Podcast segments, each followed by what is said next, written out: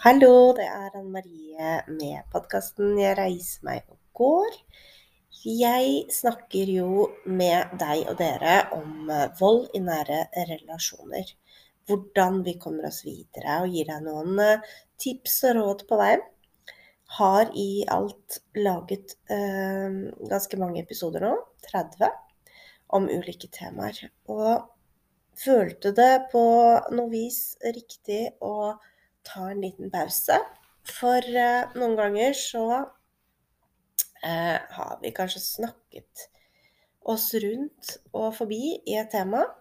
Eh, men jeg har jo på mange måter tatt opp veldig mye, men i denne episoden har jeg likevel lyst til å oppsummere litt hva vold er. Hvis du er i den dumme, vanskelige situasjonen at du føler at noe er galt. Og jeg skal ikke ta alle definisjonene som jeg har tatt ganske grundig mange ganger, men jeg skal gå mer på følelsene. Hva er det vold får oss til å føle, da? Hvordan virker det inn på oss uh, for vi som har opplevd det? Vi er jo alle forskjellige mennesker og har ulike måter å reagere på. Det som jeg tenker ofte er eh, noe som kjennetegner oss, er jo at vi allikevel, selv om vi reagerer ulikt, så er det en ting som går igjen veldig ofte, som jeg da har prøvd å få ned i denne guiden. Så jeg skal snakke litt om det hva er egentlig vold? og Hva får det deg til å kjenne på? Altså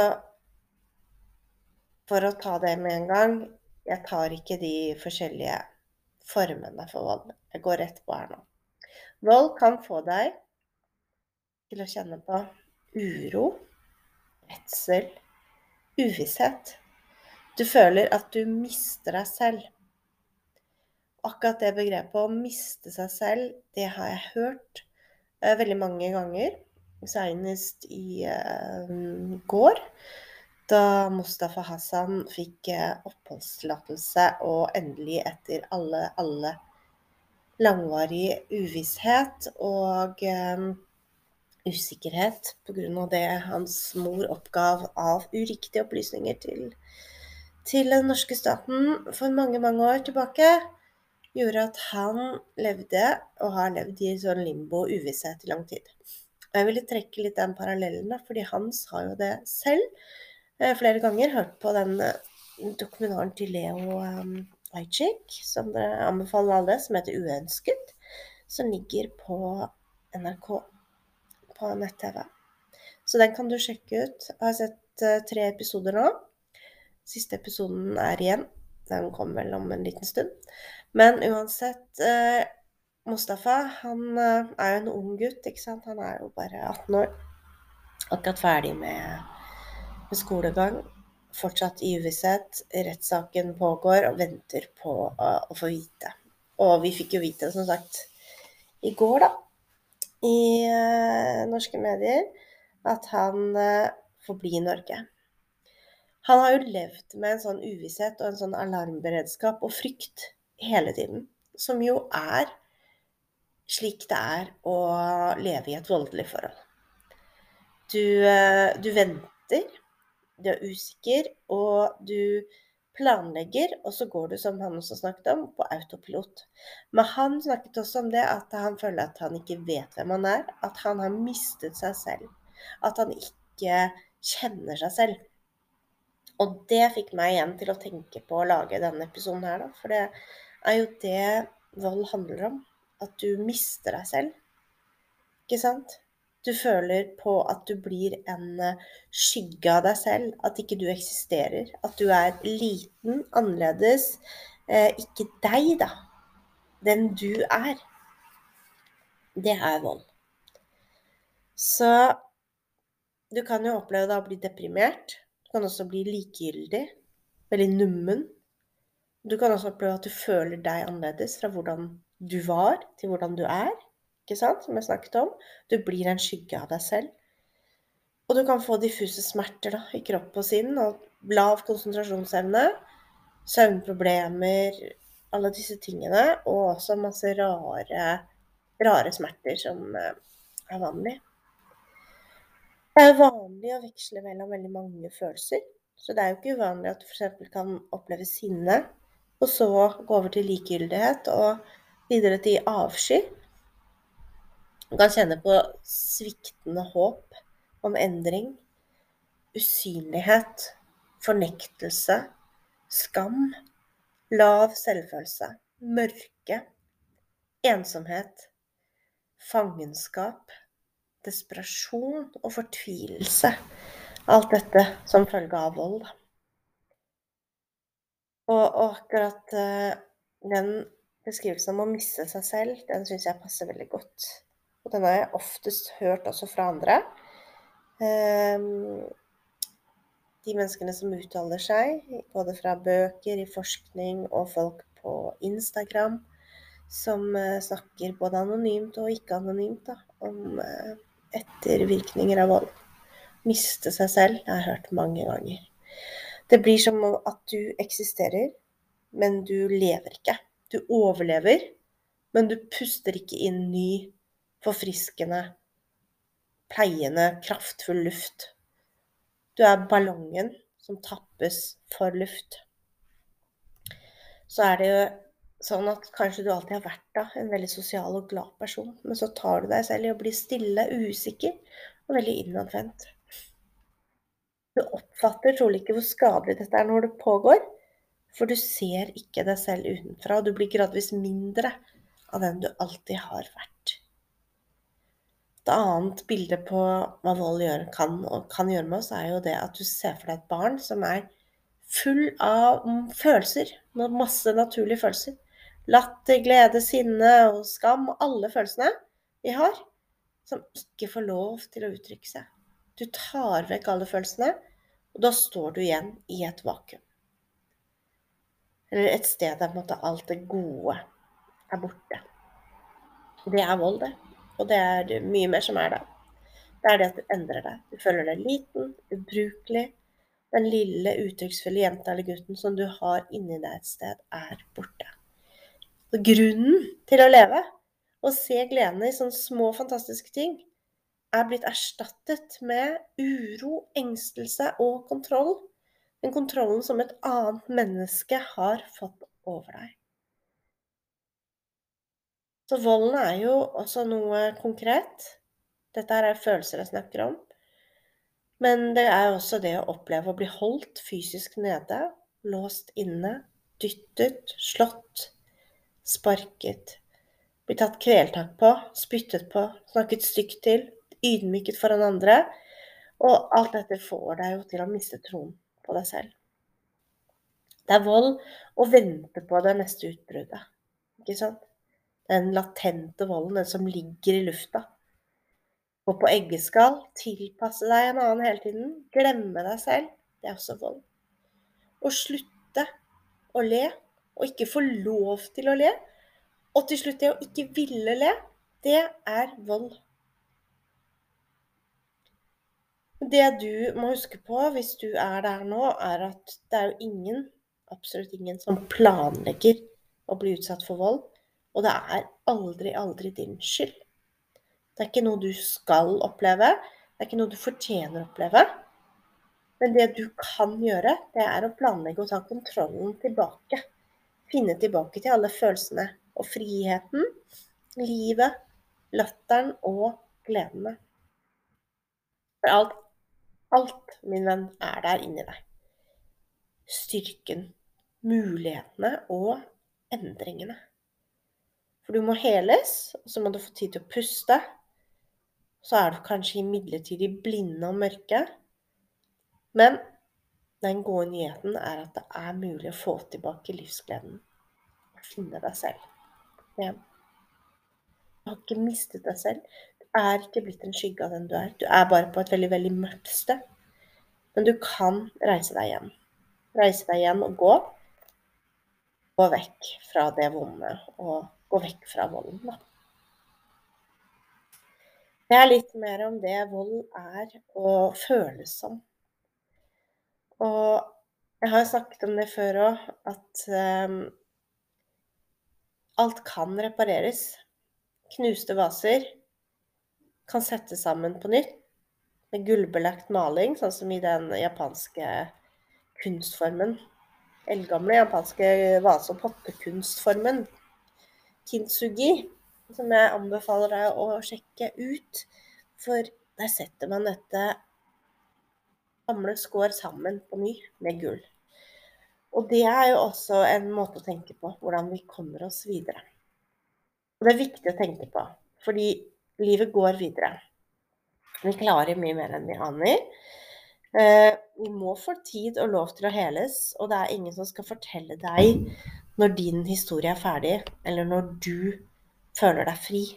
Det er det bare du som vet, og du vil kanskje også risikere det at selv etter kanskje mange år med terapi, behandling, egenomsorg og øh, følelsen av at du har gått inn for å forstå, skjønne, og så gi slipp, så kan det fremdeles være sånn at det kommer perioder og ting som gjør at du blir satt litt tilbake.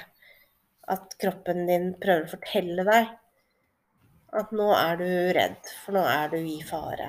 Eller nå er det noe som ser ut som en fare, men som ikke er det. Men som du oppfatter som det, fordi det sitter i deg. Det kan sitte i deg, og det kan være en lukt, det kan være en følelse, det kan være et menneske sin brå bevegelse. Det kan være så mye som får oss til å føle på disse sterke tingene som vold gjør da, med oss. Så Vold er jo selvfølgelig alle de fysiske tingene, alle slagene også. Alt det vonde, alle blåmerker, alle indre skader, ytre skader. Alt som setter fysiske kloremerker, arr, spor på kroppen. Men også indre skader som er veldig alvorlige. Vold er, eh, er veldig mye. Og det er jo mye mer enn de blåmerkene, ikke sant. Så nå har jeg bare lyst til å gå kort gjennom det der med Hvis du er i et forhold og føler på at noe er feil, så tenk på at du har en magefølelse og en intuisjon som sier deg veldig mye. Fordi jeg kan gå gjennom alle tegnene, og det skal jeg gjøre på sånne ytre tegn som du kan tenke at OK, dette her er jo ikke greit. Dette er tegn på at uh, du trenger egentlig ikke å finne ut av om det er vold, men du kan bare tenke at dette gjør ikke meg noe godt, og det er på tide å komme meg vekk. Men uh, vi er nå allikevel sånn at vi, vi ønsker og håper alltid. Men de tegnene, de ytre tegnene, de kan vi måtte se og, og, gjøre noe konkret med når vi får de forklart, eller vi leser om dem, eller vi skjønner at dette ikke er bra. Så Nå mista jeg litt tråden her, altså. Litt ettervirkninger av korona og det som er. Eh, litt mye i hodet om dagen. Skal ikke lyve og si noe annet her, altså. Men eh, jo, i hvert fall. Vi er eh, Absolutt alle mennesker kan oppleve vold, og vold er uh, skadelig. Det vet vi. Og de ytre tegnene, de er kjempeviktige å ta tak i. Men jo, det var det. Kom tilbake til det. Rodde meg inn her. magefølelsen. Altså kjenn på den magefølelsen. Intuisjonen din. Ikke legg den vekk hvis du er der at du er i et forhold som du føler at noe er gærent. Vet du hva? Da er det en grunn til at du gjør det. Ikke unnskyld den følelsen. Følg den, rett og slett. Det er lettere sagt enn gjort, men hvis du måtte, er usikker og du trenger et råd, så er det det beste rådet. Følg magefølelsen, for du vet det. At denne personen egentlig ikke vil deg noe vel. Ikke sant? Så skal vi gå litt mer inn på um, det som handler om konkrete tegn. Tegn kanskje tidlig i forholdet, og noe som kommer litt etter litt. Et tegn kan være på at noe er gærent, da. Faretegn er intensitet. Veldig intense eh, øyeblikk, rett og slett, og en sånn stemning fra den personen du er sammen med. At det blir veldig mye, alt, veldig fort.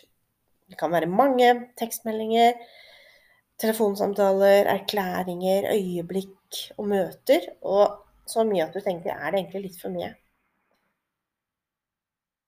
Og at det som du oppfatter som kanskje som en sånn energi som er sånn lidenskap og flott og interesse og smiger og liksom utålmodighet og lyst til å være sammen med deg, at det kanskje egentlig er noe annet underliggende som ligger der, som er et kontrollbehov.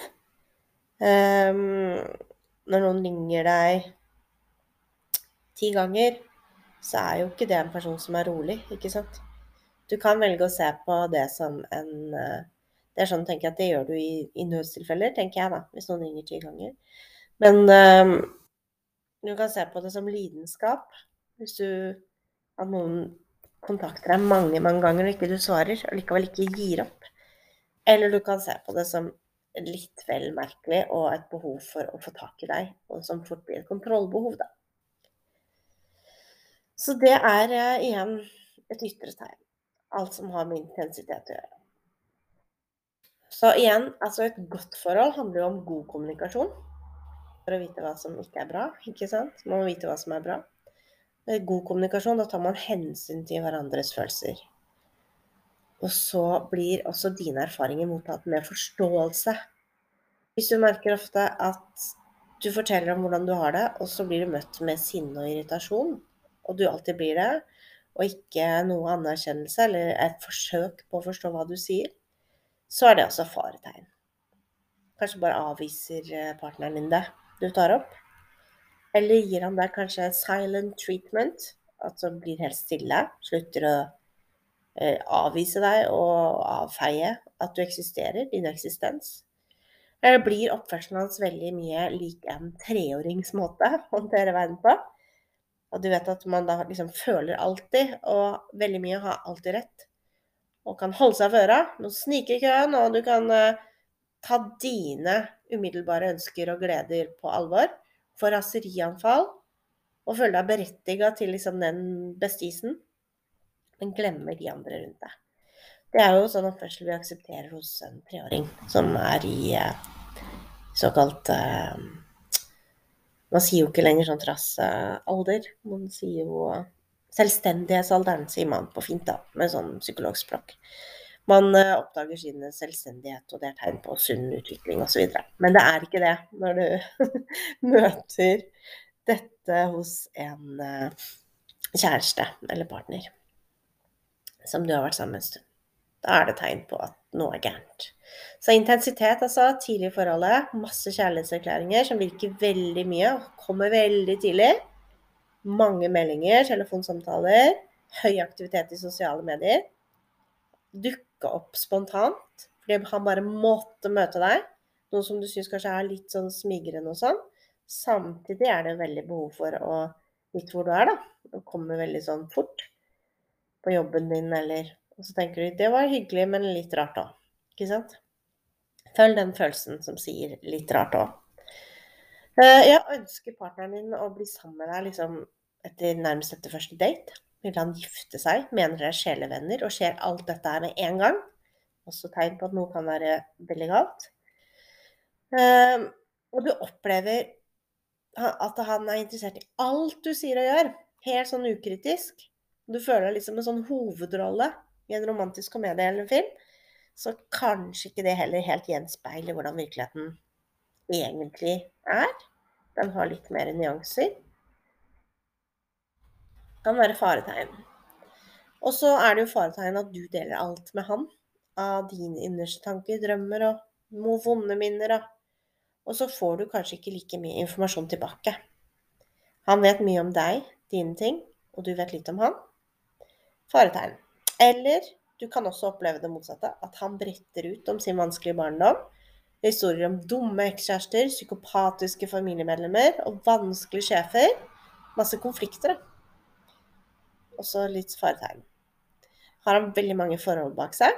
Snakker han stygt om andre? Er det både ytre og indre konflikter som omgir ham? så er jo det også noe Hvis alle er gærne og alle er dumme, så er jo det gjerne tegn på en person som ikke har så mye selvinnsikt, og som fort kan bli veldig krevende å være sammen med. Er den økonomiske situasjonen på stell? Eller ønsker han fort å flytte inn, låne penger eller gjøre felles prosjekter som involverer din økonomiske bistand? Behandler han mennesker likt, altså alle mennesker likt, eller er han veldig opptatt av status? Snakker han på stygt til servitøren og veldig smigrende til hovmesteren? Tenker han at mennesker som er høyt oppe sosialt sett, de kan få noe av? og så driter han i å være hyggelig mot de som er på et annet sted som han ikke kan få noe fra eller av. Og da oppfører han seg stygt. Frekk, uhøflig. Også tegn på hvordan mennesker er, da. Mener han at du bør styre unna enkelte av dine venner eller familie? Kritiserer han dem på en måte du ikke forstår? Ønsker han ofte å avlyse felles sosiale sammenhenger som ikke han holder i, på en måte? Dette er videre flere fartegn. Eh, hvis du har sagt, merket en endring i forholdet ditt, kontrollerer han det du sier og gjør, sjekker telefonen din, krever at du skal svare med en gang han ringer eller tekster, lager litt sånn skjemaer og sånt. Jeg så faktisk på en film i går som handlet om en kvinnelig, kvinnelig psykopat, vil jeg vel si. Eh, og det handlet om psykisk vold, da. Uh, og for en gangs skyld var det uh, nettopp en kvinne som utøvde volden. For veldig ofte så ser vi jo det motsatte i, i både filmer og, og, sånt. Og den, det var en dansk film. Den het Jeg tror den het noe sånt som En motbydelig kvinne eller noe sånt.